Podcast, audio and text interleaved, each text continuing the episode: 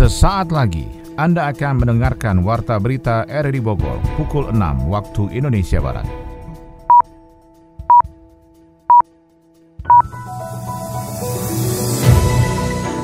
Selamat pagi dan salam jumpa. Kami kembali hadir dalam Warta Berita pagi ini, Rabu 10 Februari 2021. Siaran ini juga Anda bisa dengarkan melalui audio streaming RRI Play di smartphone Anda dan Anda bisa dengarkan kembali melalui podcast kami di Spotify, Anchor, Portal, dan Google Podcast.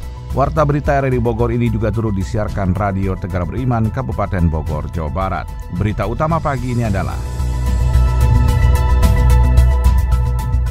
Pemerintah secara resmi mengumumkan penerapan pemberlakuan pembatasan kegiatan masyarakat PPKM Mikro atau di tingkat lokal mulai 9 Februari hingga 22 Februari 2021. Memperingati Hari Pers Nasional ke-75, RRI Bogor menggelar diskusi publik dengan topik refleksi kebebasan berekspresi.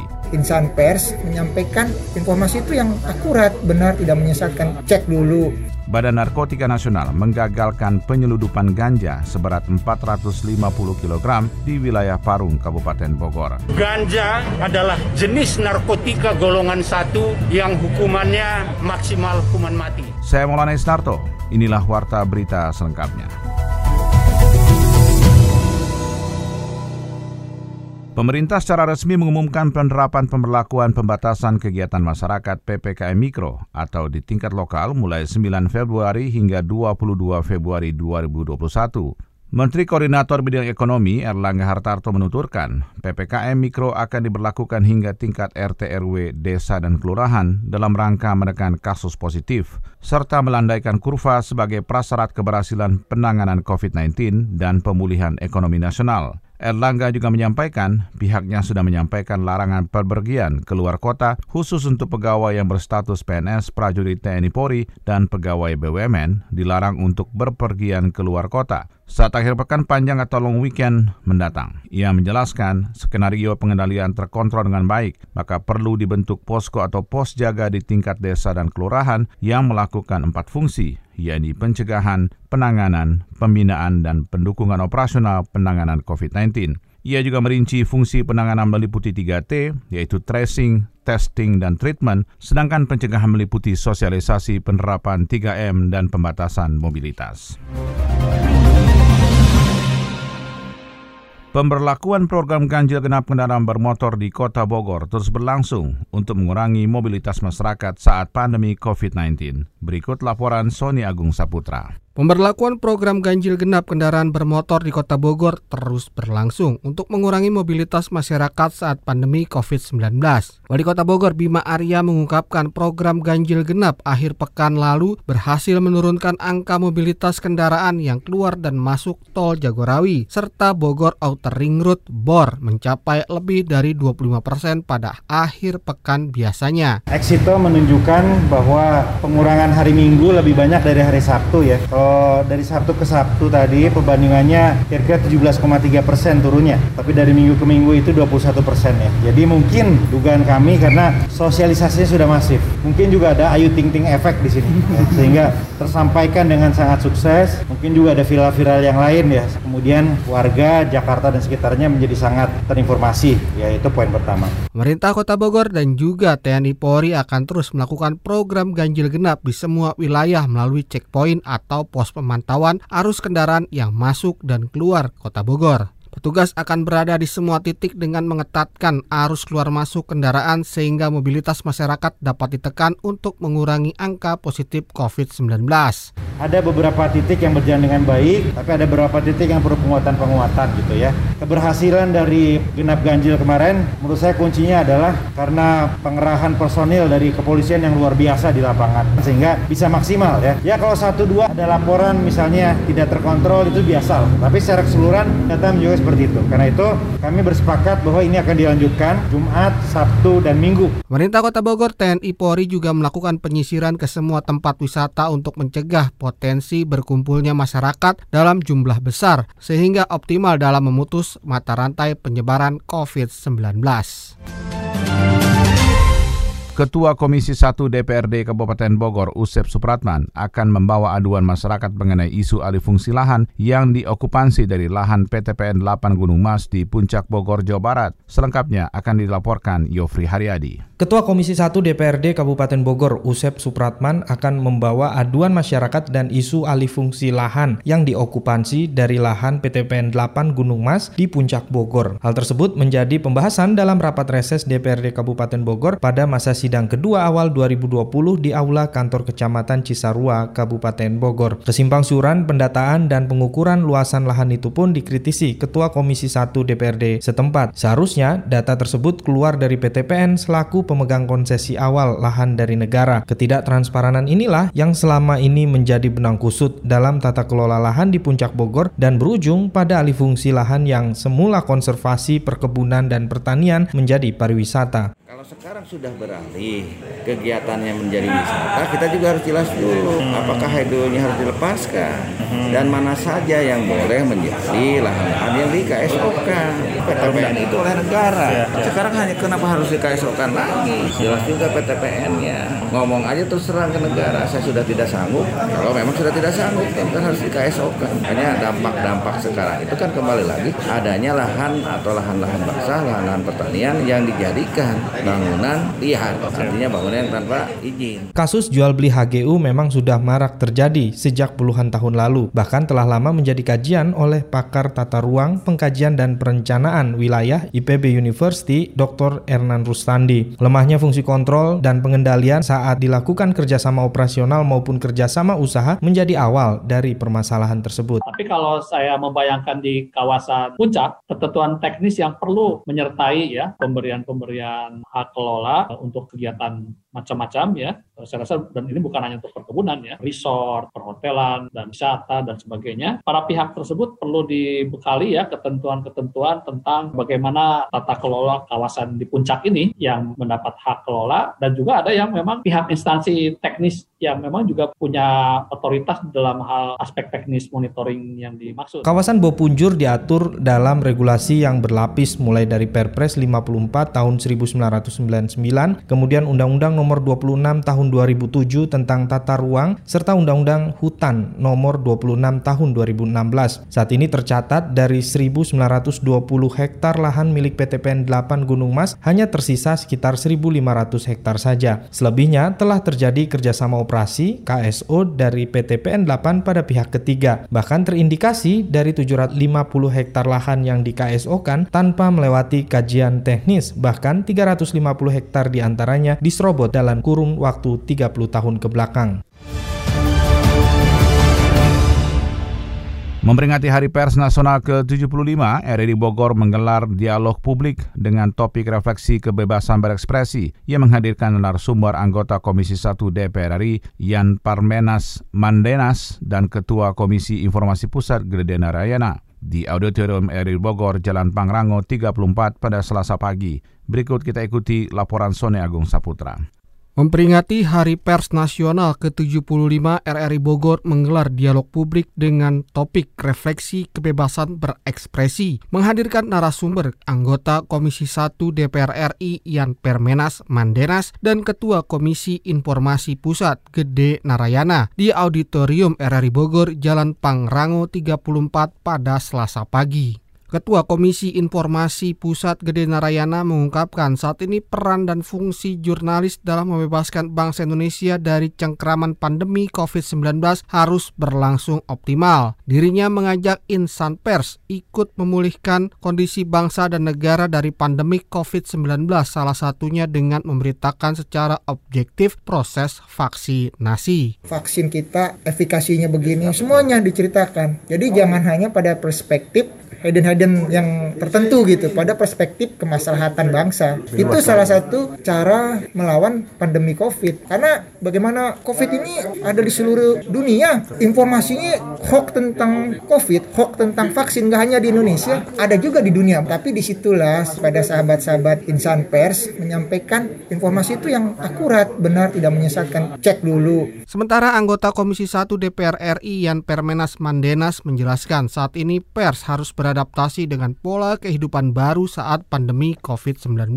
Penguasaan dan penggunaan teknologi digital menjadi mutlak dalam proses mengolah informasi dan berita sehingga bisa tetap mendapatkan akurasi dan kecepatan data saat adanya pembatasan kegiatan masyarakat. Industri pers dan media juga harus berkembang dengan menggunakan teknologi mutakhir dalam proses pembuatan sampai penyiaran informasi dan berita sehingga dapat menjangkau seluruh lapisan masyarakat Indonesia bahkan dunia. Dalam situasi pandemi COVID-19 ini untuk bagaimana bisa mengadopsi sebuah sistem industri yang memang mengandalkan teknologi digital. Dengan demikian saya pikir kualitas pers, kemudian independensi informasi, kemudian up to date juga informasi yang diterima oleh publik itu akan semakin menarik dan membuat publik itu makin cinta terhadap industri pers yang tersebar di seluruh tanah air. Dengan demikian teman-teman pers juga harus lebih profesional ke depan.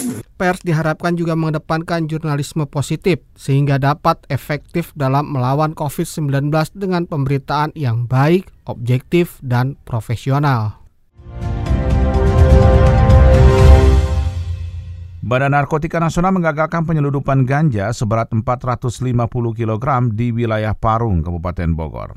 Badan Narkotika Nasional gagalkan penyelundupan ganja seberat 450 kg di wilayah Parung, Kabupaten Bogor. Pengungkapan tersebut merupakan rangkaian panjang dari pengintaian tim BNN yang dibawa dari Aceh dan dikendalikan oleh narapidana yang mendekam di salah satu lapas di Jawa Barat. Deputi Bidang Penindakan dan Pemberantasan Narkotika BNN RI Irjen Arman Depar melalui keterangan persnya mengungkapkan ada dua orang tersangka yang diamankan yakni sopir truk dan asistennya. Tim buser dari BNN mengintai truk yang mengantar membawa ganja tersebut saat keluar dari pintu tol Sentul Selatan dan dihentikan paksa di Jalan Raya Parung Bogor pada Selasa dini hari. Irjen Pol Arman Depari menjelaskan modus pengiriman ganja tersebut disimpan di dalam pipa berukuran 3 per 4 inch dengan panjang 1 meter. Pipa tersebut ditutup pada kedua pangkalnya dan dimasukkan ke dalam drum plastik. Satu drum berisi 60 hingga 63 pipa ganja. Untuk mengelabui petugas, pelaku mengenangi pipa di dalam drum menggunakan air dan minyak nilam seolah menyerupai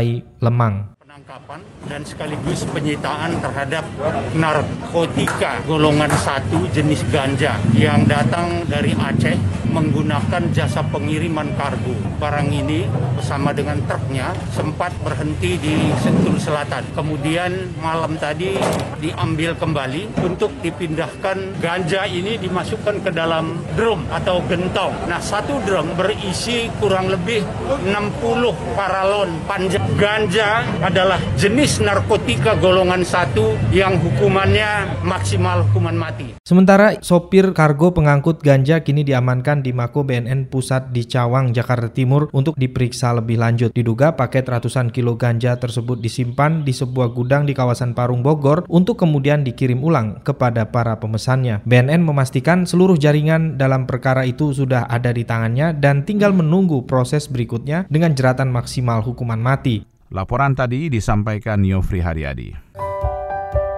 Saya Pendeta Darwin Darmawan, anggota FKUB Kota Bogor. Mari bersama RRI Radio Tanggap Bencana COVID-19 kita bersama-sama memutus penularan virus corona dengan diam di rumah, menjaga kesehatan, dan tetap optimis. Warga korban banjir dan ancaman longsor di Kampung Pakancilan, Desa Kuta, Kecamatan Mega Bendung yang berbatasan dengan warga Desa Citeko, Kecamatan Cisarua teratasi dengan baik. Kita ikuti selengkapnya kembali Yofri Haryadi melaporkan. Warga korban banjir dan ancaman longsor di Kampung Pekancilan, Desa Kuta, Kecamatan Megamendung yang berbatasan dengan warga Desa Citeko, Kecamatan Cisarua teratasi dengan baik. Suasana perkampungan di RT 04 RW 03 Desa Kuta itu pun kembali normal dengan aktivitas warganya sehari-hari seperti bekerja di kebun, berdagang, atau sekedar menjemur pakaian. Berada di bawah kawasan bertebing, sedikitnya 22 kepala keluarga di kampung yang dibatasi Kali Cibogo itu pun sudah terbiasa dengan kondisi cuaca ekstrim yang kerap mengancam jiwa saat terjadi. Camat Megamendung Eris Rismawan mengungkapkan ada 9 desa di Kecamatan Megamendung yang kini dalam posisi siaga bencana dan mereka sudah mendapat pembekalan dari pemerintah, kesiapan dan kewaspadaan dengan kondisi geografis tempat mereka tinggal. Kita ungsikan tapi tetap kita memperlakukan PPKM gitu dengan protokol kesehatan. Di Megamendung yang akibat cuaca ekstrim ini rata-rata ini hampir semuanya juga ada, tapi ya? ini skalanya skala kecil gitu. Nggak begitu berat gitu kan. Nah, ada yang kena puting beliung, diantisipasi. Ya kebanyakan dengan cuaca yang ekstrim ini kebanyakan sih longsor. Tapi longsor pun itu nggak memakan ke masyarakat model jalan. Aktivitas masih jalan. Pergeseran tanah, longsor maupun meluapnya Kali Cibogo sudah diantisipasi oleh warga di Kampung Pakancilan yang sebagian lahannya di bawah PTPN 8 dan PT Perhutani. 22 kepala keluarga itu pun telah disediakan rumah yang aman di lahan datar serta Masjid Nurul Huda untuk mengungsi terutama pada sore dan malam hari. Kepala Seksi Kesiapsiagaan BPBD Kabupaten Bogor, Adam, menambahkan beberapa kerusakan rumah warga akibat banjir Kali Cibogo dan longsor kecil dalam taraf yang wajar dan dapat diperbaiki sendiri. longsor ini apa rumah terancam kebanyakan tuh. Jadi rumahnya mah nggak kenapa-napa misalkan dia tapi karena misalkan pinggirannya atau turapannya bol atau longsor kebanyakan itu. Nah sebenarnya sih itu mah ya sama yang punya rumah juga kalau kalau mungkin ada biayanya ya bisa dibetulkan sendiri. Dari BPBD dan Dinas Sosial membentuk posko siaga di sejumlah titik di Kecamatan Megamendung, Kabupaten Bogor, termasuk relawan Desa Siaga Bencana Destana yang selalu melaporkan perkembangan cuaca dan debit Kali Ciliwung hingga ke anak sungainya selama 24 jam di wilayah tersebut. Kita beralih ke berita ekonomi, penurunan kinerja industri pengolahan non-migas atau manufacture sepanjang 2020 sebesar 2,22 persen. Hal itu akibat tekanan pandemi COVID-19 yang diperkirakan akan berbalik arah. Menteri Perindustrian Agus Gumiwang Kartasasmita mengatakan, industri manufaktur tanah air masih mencatat performa positif pada beberapa subsektor. Pada kuartal 4 2020 terdapat beberapa subsektor yang tetap konsisten kontributif serta menjadi penopang angka pertumbuhan pengolahan. Tercatat industri logam dasar tumbuh 11,46 persen dengan meningkatnya permintaan luar negeri, kemudian industri kimia, farmasi, dan obat tradisional tumbuh 8,45 persen, terutama didukung peningkatan permintaan domestik terhadap sabun, hand sanitizer, dan desinfektan, serta peningkatan produksi obat-obatan, multivitamin, dan suplemen makanan. Dari banyaknya sektor industri yang terimbas pandemi COVID-19, sektor industri kimia, farmasi, dan obat tradisional tetap memiliki demand yang tinggi sehingga memberikan kontribusi positif terhadap perekonomian. Selanjutnya, Agus Gumiwang juga menyebut industri makanan dan minuman tumbuh 1,66 persen pada kuartal keempat 2020. Menurut Agus, sektor itu merupakan salah satu sektor yang memiliki permintaan tinggi ketika pandemi COVID-19 sebab masyarakat perlu mengkonsumsi asupan berkualitas untuk menjaga kesehatan. Dari luar negeri dikabarkan masa penentang kudeta militer Myanmar tetap melakukan demonstrasi meski sebelumnya sudah ada peringatan. Gelombang pembangkangan melanda seluruh negeri sejak angkatan bersenjata mengambil alih kekuasaan secara paksa pada 1 Februari. Sejak akhir pekan ratusan ribu orang turun ke jalan menentang manuver yang dilakukan Tatmadaw militer Myanmar. Pada Senin kemarin, junta mengeluarkan peringatan akan menindak demonstran yang dianggap mengganggu sampai menghancurkan fasilitas negara penerapan jam malam dan larangan berkumpul dalam jumlah besar dilakukan di seluruh penjuru termasuk di Sanchaung dan Kamayut. Tempat masa konsentrasi meski begitu di Sanchaung sekitar 200 guru menentang peraturan tersebut dengan membawa spanduk bertuliskan kami guru ingin keadilan. Kami kutip dari AFP, mereka juga melakukan salam tiga jari gestur pro-demokrasi yang kini marak di Asia. Di seluruh kawasan berlokasi di Yangon, beberapa kelompok juga berkumpul di markas partai pimpinan Suki, Liga Nasional untuk Demokrasi. Mengenakan warna merah yang adalah warna NLD. Masa membawa poster Su dan menyerukan supaya pemimpin de facto itu dibebaskan meski dikecam barat karena tidak merespon penindakan terhadap Rohingya. Aung San Suu Kyi tetaplah sosok populer Myanmar, karena itu NLD bisa mendapatkan kemenangan lebih dari 80 persen pada pemilu November 2020 lalu. Dek, tolong ibu beliin beras ke warung ya. Iya bu, bentar lagi tanggung main game ini. Dek, tolong bantu bapak angkat pindahkan lemari dek. Iya iya, bentar pak, lagi bikin konten video dulu. Makan dulu ini. Baksonya udah dibeliin juga. Cepet makan. Sabar kenapa kak? Ade lagi chattingan dulu sama teman. Wah, netizen lagi rame nih. Komen di IG-nya si selebgram. Ikutan ah. Woi, kalau nyebrang jangan lihat HP dong. Untung nggak ketabrak. So, sorry bang, sorry bang. Menggunakan gadget bisa menjadi hal yang menyenangkan. Namun jangan sampai gadget menyita waktu dan perhatian terhadap lingkungan sekitar. Apalagi sampai mencelakakan diri kita.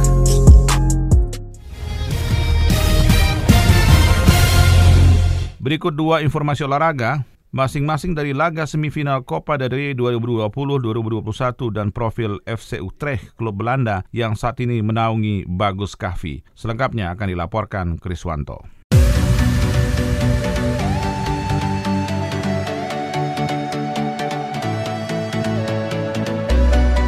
Laga semifinal Copa del Rey 2020-2021 akan menyajikan duel seru antara Sevilla dan Barcelona. Pertandingan Sevilla versus Barcelona merupakan semifinal leg pertama Copa del Rey 2020-2021. Duel semifinal leg pertama Copa del Rey antara Sevilla versus Barcelona akan digelar di Stadion Ramon Sanchez Pizjuan Rabu waktu setempat atau Kamis dini hari waktu Indonesia Barat. Kesempatan ini merupakan pertemuan kedua Sevilla melawan Barcelona di musim 2020-2021. Pertemuan perdana mereka tersaji pada pekan kelima Liga Spanyol 4 Oktober 2020 lalu. Jumpa pertama kedua tim musim ini yang digelar di Stadion Camp Nou berakhir imbang dengan skor 1-1.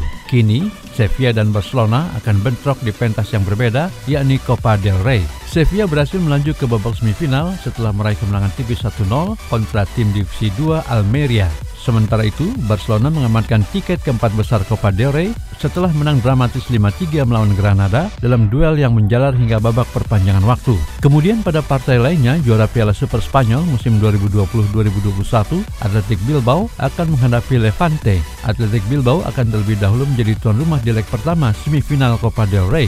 Pertandingan Athletic Bilbao versus Levante akan digelar di Stadion San Memes, Kamis waktu setempat atau Jumat dini hari waktu Indonesia Barat.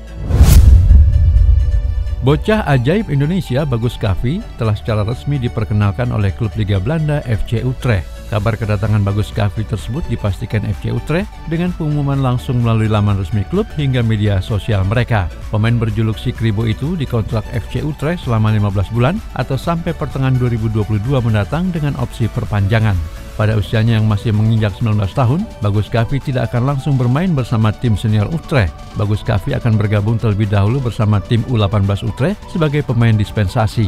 Meski harus memulai dari bawah di Utrecht, kesempatan bermain di Liga Belanda jelas sangat berharga untuk Bagus. Terlebih lagi, FC Utrecht merupakan salah satu klub ternama di Eropa, khususnya Belanda sendiri. FC Utrecht merupakan klub yang didirikan pada tahun 1970 setelah tiga klub, yakni VV DOS, USV Ellenwich, dan Velox bersatu. Kendati terbilang baru di dunia sepak bola, kiprah FC Utrecht di Eredivisie dapat dikatakan cukup fenomenal. Utrecht berkembang cukup pesat sehingga menjelma sebagai salah satu tim kuda hitam di luar tiga raksasa Belanda, yaitu Ajax Amsterdam, Feyenoord, dan VSV Eindhoven. Tim yang kini diasuh Rene Hake itu juga memiliki pencapaian apik dengan menjuarai tiga piala Belanda dan sekali Johan Cruyff Shield yang mempertemukan pemenang liga kontra piala domestik. Terkhusus trofi Johan Cruyff Shield FC Utrecht merupakan satu-satunya juara di luar tiga tim terkuat Belanda. Utrecht juga menjadi satu-satunya tim di luar tiga raksasa Belanda yang belum pernah terdegradasi. Sepanjang sejarah klub, Utrecht juga sering kali diperkuat oleh para pemain bintang Eropa. Adapun nama-nama beken yang pernah mentas di stadion Galgenwaard di antaranya adalah mantan bintang Liverpool, Dick Witt, Dries Martin, Napoli, hingga Kevin Sutman, Marseille. Bukan hanya bintang asal benua biru, FC Utrecht juga cukup akrab dengan beberapa pemain Indonesia seperti Stefano Lillipali, Irfan Bahdim, dan Mark Lok. Namun bukan hal mudah bagi ketiga pemain Indonesia tersebut dalam berkarir di Utrecht karena ketatnya persaingan. Hal tersebut pun menjadi tantangan besar bagi Bagus Kavi yang menjadi pemain asal Indonesia terkini yang memperkuat FC Utrecht. Meski rintangan tak mudah, apabila Bagus Kavi terus bekerja keras dan disiplin, bukan tidak mungkin dirinya akan memiliki masa depan cerah di FC Utrecht.